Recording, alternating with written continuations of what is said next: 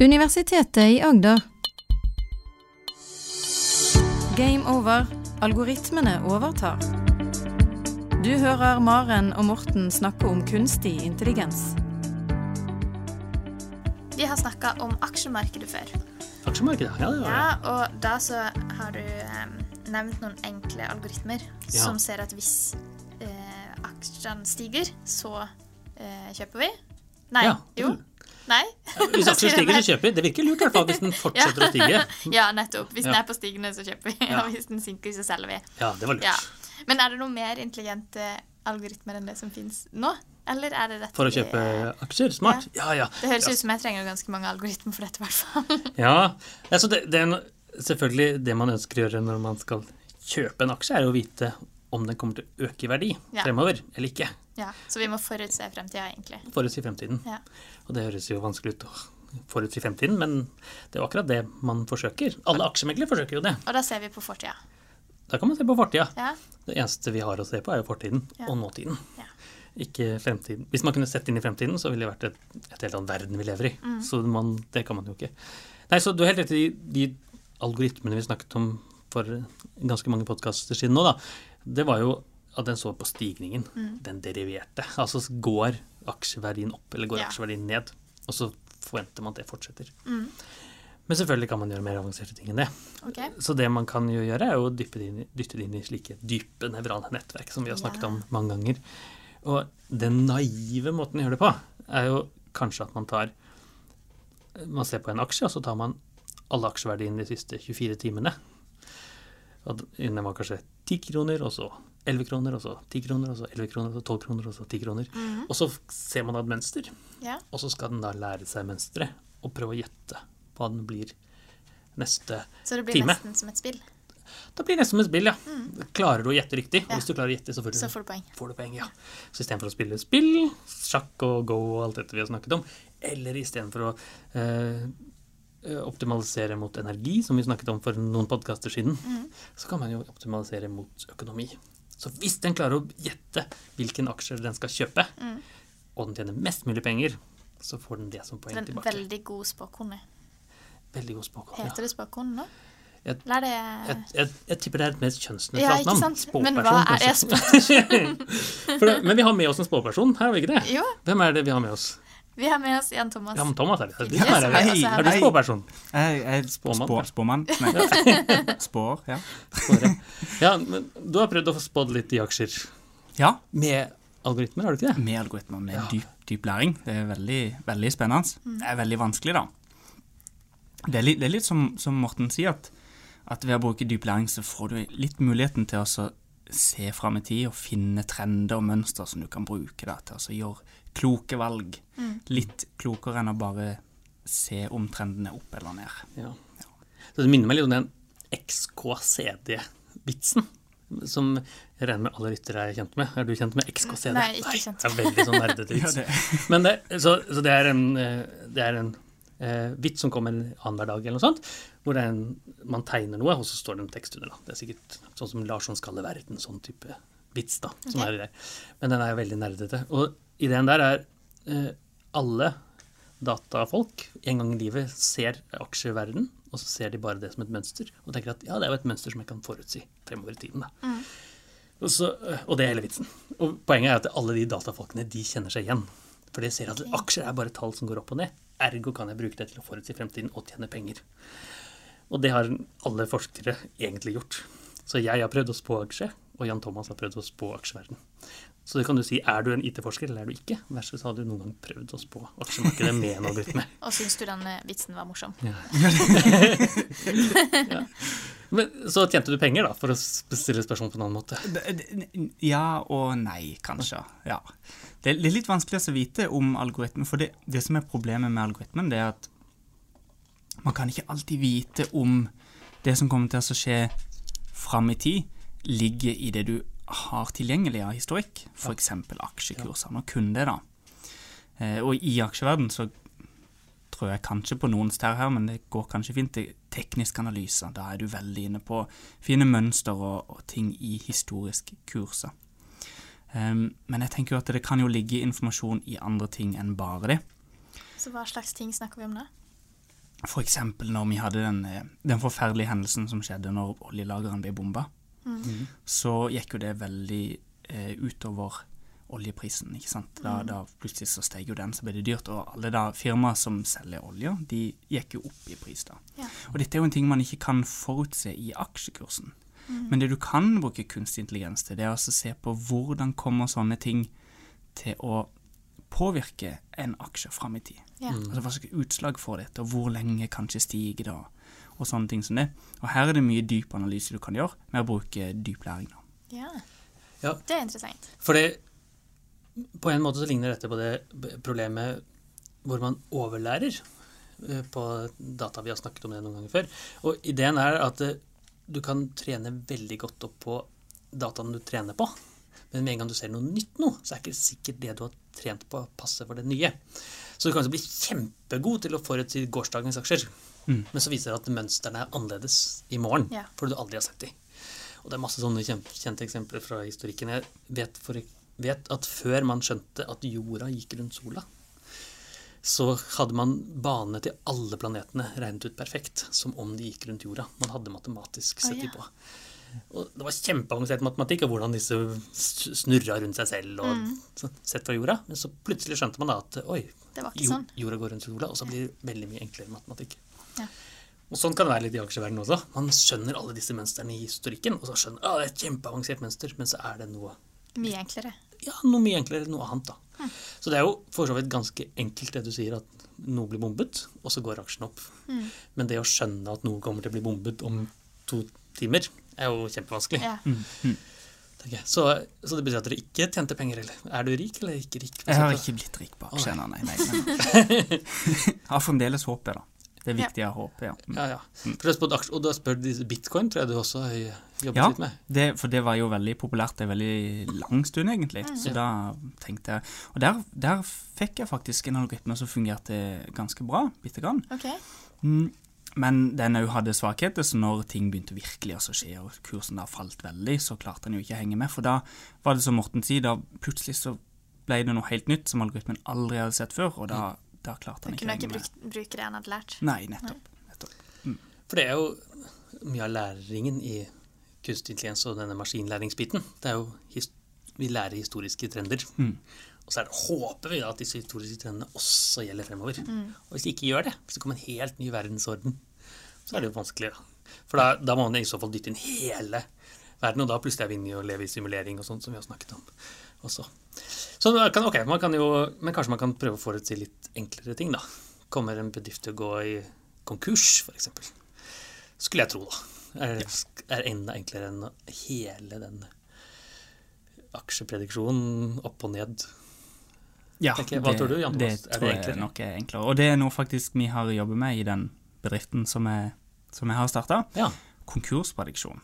Så jeg, jeg veileder to masterstudenter i mitt doktorgradsarbeid som ønsker å finne bedrifter som svindler. Og da brukte de kunstig intelligens til å se på årsregnskap. Oi. Så de regnskapene som bedriftene leverte år etter år, så satte de de i system, og så leste algoritmen de årene i rekkefølge da, og så etter sånne trender. Og så kunne de forutsi om en bedrift svindler eller ikke. Og det klarte de ganske bra, så de gjorde en veldig bra oppgave. Og videre så har vi tatt den algoritmen, og så har vi snudd den til å lete etter konkurs. Ja. Men de kunne forutse at de svindla, eller at de hadde svindla? Sjekka de opp i ettertid, eller de forutså hva som kom til å skje? Så da, når vi trente algoritmen, så trengte vi jo eksempler hvor vi visste fasiten. Ja. Så da leita vi opp tidligere dommer hvor vi visste at bedriften Ja. kom til å gå konkurs. Men når de testa algoritmen, så kjørte de inn noe data fra en bedrift som ikke vi visste noen ting om. Og så sa algoritmen at oi, der, her var det rødt flagg, nå tror vi at han svindla. Og så satte de seg ned og så så de på dette firmaet. da. Og det, det de kom fram til sammen med sin veileder på, eh, på økonomilinja, var jo at dette så veldig veldig skummelt ut. Så fra disses perspektiv så så det jo faktisk ut som at det, den bedriften de fant, faktisk hadde gjort noe galt. Ja. Men de fant jo selvfølgelig aldri ut av det sjøl, da. Det er jo nesten over i pre-crime-verden. Hvor du altså, forutsier kriminalitet før det skjer. Ja. Altså Hvis jeg, noen kommer og sier at jeg kommer til å uh, kjøre for fort på vei hjem etterpå, før jeg har gjort det, så er det Hvis det stemmer at jeg kommer til å kjøre for fort, så kan man jo si at ja, ja, da burde jeg bli allerede på boten nå, da. Ja. Ja, ja, det. Eller, men, Eller bare la være å kjøre. men det ødelegger jo hele rettsprosessprinsippet. For det har jo, jeg har jo ikke brutt loven Nei. enda. Nei, det er sant. Og det er litt sånn Kommer, kommer bedriften til å gå eh, Kommer det til å være svindel her, eller kommer det ikke til å være? Det er forskjell på å si det kommer til å være svindel om en uke, eller det var svindel Ja. forrige uke. Eller kommer det til å gå konkurs om en uke? Eller var det konkurs i de historiske dataene? For konkurs er også noe du har sett på? ikke sant? Konkurs har vi også sett på. Det er veldig mye av de samme teknikkene. Vi leser regnskapshistorikk over Ja. tid, og disse årsregnskapene. Ja. Og så forutsier vi om en bedrift kommer til å gå konkurs innen ett, to og tre år fram i tid. da. Så da kommer det ut en sannsynlighet ut fra det. Har dere kommet langt nok til å sjekke om det faktisk stemmer ennå? De testene vi har gjort fram til nå, er veldig, veldig positive. Ja. Men det gjenstår jo veldig mye arbeid for å liksom validere og verifisere at det faktisk er korrekt. Ja. Men vi har gjort tester hvor algoritmen opptil 97 av tilfellene gjetter riktig. Ja. Og Har tre år frem i tid 97% Eh, Opptil tre år frem i tida. ja, ja. Men har den da, eh, er det noen da som er markert som at de går konkurs, eller er det sånn at alle da har eh, klart seg? Nei, så Måten vi tester det på, da, det er at vi har all regnskapshistorikk over tid. Og så trener vi algoritmen på eh, alle årene fram til i fjor. Og så holder vi den tilbake igjen. Så algoritmen får aldri lov til å se 2018, f.eks. Men vi, vi vet jo fasiten da. Så gir vi all informasjon om 2018 inn til algoritmen. Og så ber vi han gjette hva tror du går de konkurs eller ikke. Og så da, av de 2000 bedriftene, i 97 av tilfellene, så, så traff han riktig, da. Og, og, men det betyr at eh, han gjetter da om han går konkurs eller ikke konkurs. Ja. 90, ny- 97 riktig. Ja. Og da er jo det, det statistiske spørsmålet her hva, Hvor mange er det som egentlig går konkurs? Er det, er det mer enn 99, 97% Ja, det, eh, I det datasettet vi har, så er det 7% av alle bedrifter som går konkurs. For det var man må sammenligne, da er Ja. Ja. 7 og 3% av 100 minus 97. Ja. Ja. ja altså, så Morten har et veldig godt poeng, og som en veldig god forsker som jeg er, så passer jo jeg selvfølgelig på at eh, når jeg gjør disse testene, så får algoritmen like mange av hver. Så For- datasettet er 50-50. Riktig. Fordi jeg kan jo si, jeg kan lage en algoritme nå, som er at jeg kommer til å spå med 93% nøyaktighet perfekt om noe går konkurs eller ikke. Og det er å si ikke konkurs Ja. alle sammen. Ja. Og da får jeg 93 nøyaktighet. Ja, det, ja. Men dere er altså 97, som er bedre enn 93. ja. Ja. ja, det har vi. Ja. Ja, så Ja, det er men bra. det er Men det betyr at jeg kan dytte inn mitt eget firma. Jeg har et enkeltpersonsforetak. Og dytte inn, og så får jeg beskjed om jeg går konkurs innen tre år. Ja, det, det kan du. Jeg har ikke Ja. turt å dytte inn mitt ennå, Morten, men du, hvis du vil du så har kan ikke dyttet inn jeg- tror det er et veldig enkelt firma, Ja. som jeg har i hvert fall. Som da kanskje overlever, håper jeg. Eller vet ikke. Ja. Men der kan man vel kanskje se hva man Da kan man få noen indikasjoner på hva man kan gjøre, kanskje, for at det da skal unngå å gå konkurs hvis algoritmen sier at jo da, dette kommer til å Så det er veldig, veldig godt poeng, Maren, og det er jo noe av styrken til den algoritmen. Det er jo det, Vi ønsker så å vri den dit. For, for dette det- det- Kjært barn har mange navn, men dette med å kunne forklare kunstig intelligens, gjennomsiktighet osv., det er kjempeviktig. Og vi har, når vi har prata med noen eh, potensielle kunder da, av denne algoritmen, type bank og sånn, så er de veldig opptatt av det. Hvis vi sier at en bedrift kommer til å gå konkurs, så spør de hvorfor det. Og da må vi kunne vise hvorfor. Og da vil jo algoritmen peke på de tingene som er feil, som man kan rette opp i det. Og det klarer de i en dyp eh, læringsmodell også. eh, Påpeke det. I, så, ja, og her, her mm, kanskje, kanskje ikke. Nå er jeg litt tilbake igjen på det som jeg nevnte forrige gang jeg var her, at, at dette er et verktøy man bruker sammen med mennesker. For det vi får til i dag, Ja. det er å peke på de tingene som algoritmen syns er viktig. Ja. Men vi får ikke algoritmen til å forklare hvorfor det er viktig. Ja. Men det kan kanskje de som eh, bruker verktøyet, se. For de har jo kjempemye domenekunnskap. For det disse algoritmene kan i dag, er jo ofte kategorisere veldig veldig godt, Ja. men ikke forklare hvorfor. Nei. Og noen mener det er et problem, og noen ganger så er det det, men andre ganger så er det jo er det ok, tenker jeg. Ja. Og jeg, jeg mener jo egentlig generelt at vi har for mye ønske om å forklare. Så lenge det funker, så bør det være glad til. Og det er masse eksempler i f.eks. medisin, hvor vi har medisiner som fungerer, men ingen kan forklare hvorfor. Mm. Paracet er et sånt eksempel. Ingen aner hvordan Paracet funker, men det bare gjør det. Og sånn kan det være her òg. Ja. Er det er sånn? Er det ingen som har kontroll på hva det faktisk er? Paracetamol som- er det ingen som skjønner hvordan det fungerer. fungerer. Men det gjør det. Ja. Og og det er jo da testet empirisk. Altså det er testet med eksperimenter. Halvparten blir for, for pille, halvparten får ikke pille. De får noen sukkerpille eller noe sånt. Og så viser det seg at det, Faktisk funker. ja, ja, de rapporterer det i hvert fall inn. Og så er det ikke så farlig hvordan. Det er ikke så farlig hvilke atom som binder med hvilke atom. eller sånt. Det bare funker. Og sånn er det litt i kunstig intelligens-verdenen også, tenker jeg. Eh, Så lenge den klarer å forutsi hvem som går konkurs veldig nøyaktig, og vi er sikre på det, så er jo det viktigere enn å forklare hvorfor. Ja, men samtidig så kan jeg jo, hvis jeg får vite at mitt firma kommer til å gå konkurs snart, så vil jeg jo gjerne vite hvorfor det kommer til å gå konkurs, sånn at jeg kan gjøre noe med det. Ja, du, Men hvis jeg skal investere i ditt firma, Ja, så tenker jeg ah, Marens firma går konkurs. Da gidder jeg ikke det. Nei, det er godt. Da bryr jeg meg ikke om hvorfor det. Men eh, selvfølgelig, hvis du ønsker Men å for sin overleve. egen, ja, for så å unngå konkurs. forklarbarhet er veldig ofte sett på som en, en ting kunstig intelligens ikke kan, og det er på mange måter riktig. Men jeg mener at det ikke er en alfa og omega for å få disse dataprogrammene som kunstig intelligens er, til å fungere. Så vi må ikke si nei, vi skal ikke ha øh, regnskapsproduksjon, eller prediksjon f.eks., for, for det vi ikke kan forklare, tenker jeg. Syns jeg, da. Jeg er helt, helt enig med Morten, og så syns jo jeg jo det Det er veldig viktig at man kan tilrettelegge for sånn som Maren som syns det er viktig. For de kan, algoritmene kan åpnes til en viss grad.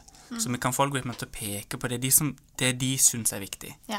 Men så trenger man noen som er veldig kjent i det domenet, til å da, ta seg av den forklaringsbiten. Ja. Mm. ja, og da kan man kanskje gå til noen som kan dette, og Ja. si at det, nå ser det ut som jeg går, firmaet mitt går eh, konkurs.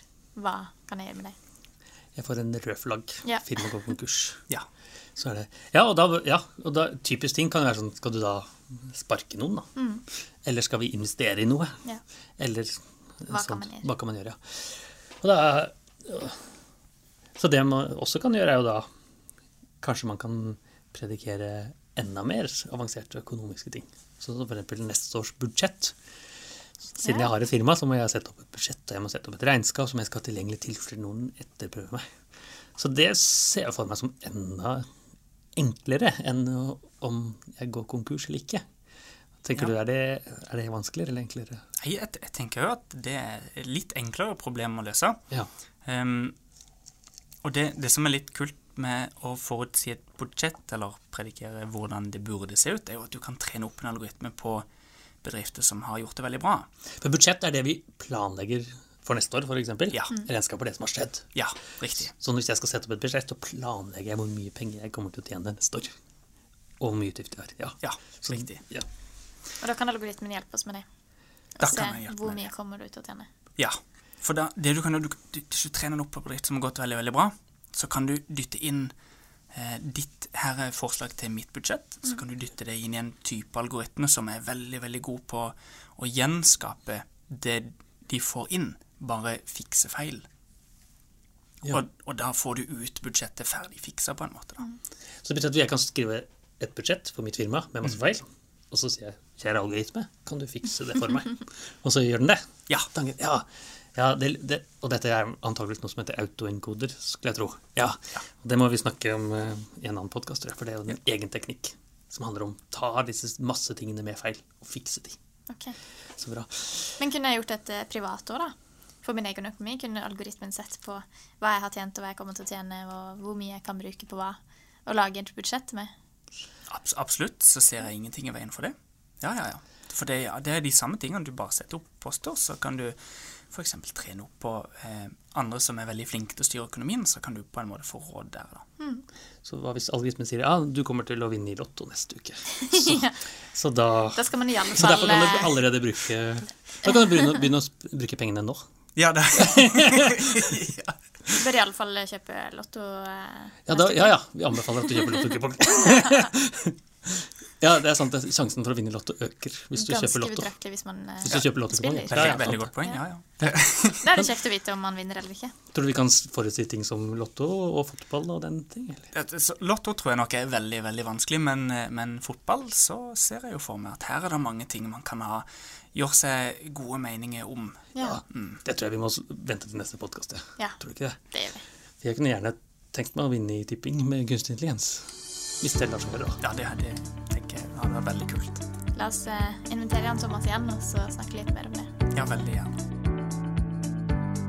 Du hører Maren og Morten snakke om kunstig intelligens. Har du spørsmål til Maren og Morten, send en e-post til gameover.alfakrølluia.no. Du har nå hørt en podkast fra Universitetet i Agder. Du finner flere podkaster fra UiA på uia.no podkast.